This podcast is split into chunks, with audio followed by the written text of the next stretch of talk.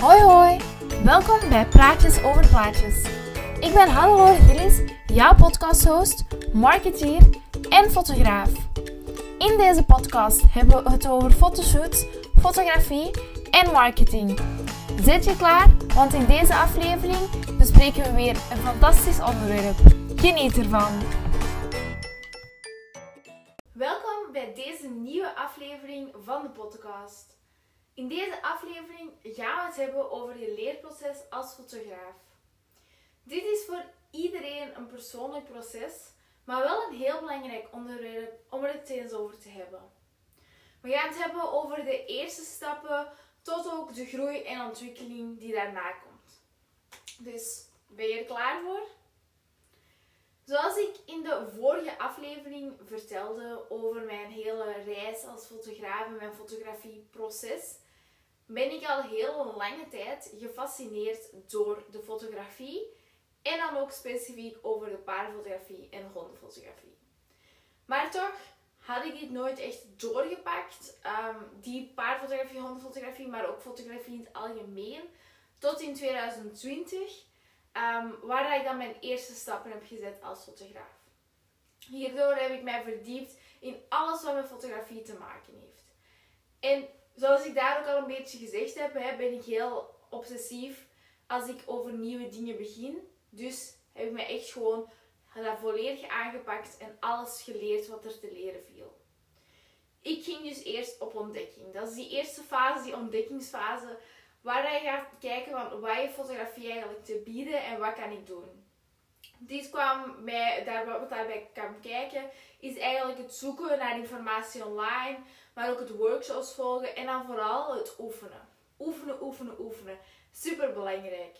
Dus op dat moment was ik echt al enorm trots op mijn foto's, maar als ik daar soms nu op terugkijk, dan denk ik zo van oei, als ik naar mijn eerste foto's kijk. Maar ik denk dat dat het geval is bij elke hobby. Altijd als je gaat terugkijken naar vroeger, dan zie je wel van oei, misschien was ik daar toch niet zo goed in, in het begin als ik dacht. Die eerste fase als beginnend fotograaf zal waarschijnlijk niet altijd perfect verlopen. Soms ga je misschien gewoon eens een foute instelling gebruiken tijdens fotograferen. Of doe je een te harde bewerking op een foto en denk je pas een paar jaar later van oei, dat was misschien toch niet zo ideaal. Ehm, maar toch zorg dat ervoor dat je altijd wel blijft leren. Je gaat altijd leren en beter worden met je camera, met de bewerkingssoftware dat je gebruikt, door te oefenen en door het gewoon te doen. In die beginfase ben je ook heel vaak snel geïnspireerd door anderen. Um, door wat je online voorbij ziet komen op Instagram, op Pinterest, op Google. En dat is ook normaal. Dus je kunt altijd inspiratie vinden op de apps die ik net genoemd heb, zoals Instagram, Google, Pinterest. Maar ook zelfs op magazines, fotoboeken enzovoort. Maar wat dat wel belangrijk hierbij is, is dat je moet zorgen dat je foto's niet exact gaat namaken. Of dat dat toch niet je doel is. En als dat toch wel je doel is en als je dat toch wilt doen, of als je een foto als inspiratie gebruikt hebt en deze dus echt wilt gaan namaken, zorg er dan ook voor dat je de originele fotograaf altijd credits geeft. Dat is echt iets super belangrijk. Dus dat wil ik graag toch wel benadrukken, aangezien je in de eerste fase echt wel op zoek bent naar inspiratie. Want er is een verschil tussen inspiratie en het namaken van content. En als je daar niet de credits geeft aan de fotograaf, uh, kan dat soms niet zo goed vallen. Als we het hebben over inspiratie, kun je ook inspiratie krijgen van bepaalde locaties waar je een verhaal bij wilt vertellen. Dus wat dan zeker ook leuk is om te doen, is gewoon op verkenning gaan. Ga op verkenning, ga wandelen op verschillende locaties en laat je creatieve brein gewoon aan de slag gaan. En zo ga je dan uiteindelijk wel je eigen stijl vinden, zowel in de fotografie en gaat eigenlijk hetzelfde waarschijnlijk doen in de nabewerking. Eerst gaan kijken welke foto's vind ik mooi van anderen, die een beetje proberen nadoen. En dan na een tijd gaat je wel doorhebben van dit vind ik mooi, dit vind ik leuk, dit vind ik minder. En welke stappen ga ik bijna in elke foto nemen. Dus zo ga je eigen stijl vinden als fotograaf en gaan je foto's uniek u worden. Tijdens mijn leerproces heb ik zeker ook voor uitdagingen gestaan. Um, zoals bijna bij alles in het leven natuurlijk, is fotografie geen rechte weg naar succes. Die uitdagingen kunnen van kleine tot grote dingen gaan, uh, van problemen in de nabewerking tot uh, slechte weersomstandigheden, problemen met klanten, ehm, waardoor dat alles in, op een zeep loopt. Vooral die slechte weersomstandigheden zijn iets waar we het misschien later in een podcastaflevering over gaan hebben. Want als buitenfotograaf in België of Nederland kan dat soms wel heel irritant zijn. Maar spijtig genoeg kan je al de omstandigheden die, waar je voor gaat komen staan niet voorkomen. Maar uit elke ervaring ga je leren en leer je weer iets voor de toekomst. Als je uit je comfortzone komt als fotograaf, ga je altijd groeien. Door je leerproces uh, kan het ook zijn en gaat het waarschijnlijk ook zijn dat je feedback gaat krijgen van anderen. Dat kan zijn van familie of vrienden die denken: wat ben jij nu weer aan het doen? Um, misschien als je verhalen maakt op Instagram of whatever. Misschien gaan mensen daar feedback op geven. Maar het kan ook feedback zijn van fotografen of van klanten waar je voor fotografeert. Het krijgen van feedback kan altijd positief zijn, negatief zijn, dat weet je nooit. Ehm, en zeker als het negatief is, is het niet altijd gemakkelijk om daarmee om te gaan.